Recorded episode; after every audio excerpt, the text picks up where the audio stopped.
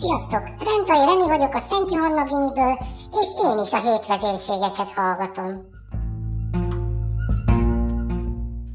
Könyvajánló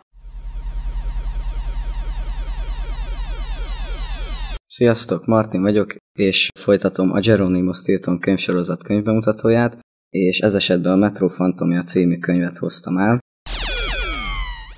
Ugye az írójáról, Elizabeth Adamiról annyit, hogy 1958. január 1-én született, és egy olyan helyen dolgozott, ahol gyerekeknek esti mesét, illetve történeteket mesélt, és innen jött az ötlete a Geronimo Stilton könyvsorozat megírásához, és igazából ez a Metro Fantomia című könyv arról szól, hogy egy valószínű macska él a metróban, és Geronimo Stilton megpróbálja kideríteni ezt a titkot, illetve megkeresni ezt a macskát, de ugye a végét azt nem lövöm le.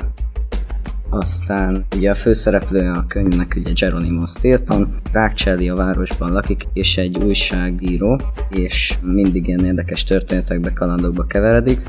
Ja, és ez a könyvsorozat annyira népszerű lett, hogy még tévésorozatot is csináltak belőle, ami három évados lett. Akkor hirtelen felébredtem, csak egy rossz álom volt. Abban a pillanatban megcsörtent a telefon. Kinyújtottam a mancson, felvettem a kagylót és álmosan beleszóltam. Haló, itt Stilton, Geronimo Stilton. A húgom te a belevisított a kagylóba, majd beleszakadt a dobhártyán. Geronimo, mit csinálsz? Alszol? Gyere gyorsan az irodába, azonnal. Az órára sandítottam és kiugrottam az ágyból. Micsoda? 9 óra 10? Nem hallottam a vekket, borzasztó késésben voltam.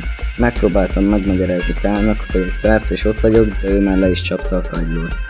Rohantam hát a fürdőszobába, miközben a nyakkendőmet kötöttem, megmostam a fogamat, az ajtóban magamba döntöttem egy csésze forró tát, és már lent is voltam a lépcsőn. Mint egy őrült rohantam ki a házból, és majdnem elütött egy taxi, hogy felkaptam a reggeli újságot az újságosnál. És igazából ezeket a könyveket azoknak ajánlom, akik szeretik az ilyen kalandos könyveket, és nekem igazából a képek, illetve a kialakítás tetszett. Mi volt a legkedvesebb részed, mit szerettél benne annyira? Szerintem a vége az nagyon jó volt, de hát ugye azt nem lövöm el. De való korábban, amiről lehet egy kicsit mesélni még, hogy jegyeden tudjuk emelni, mert nagyon jó volt eddig.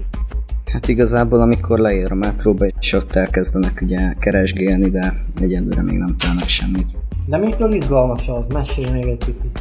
Hát mert ilyen sötét a metró, és igazából csak egy lámpával vannak lent, és mindenféle hangot hallanak még.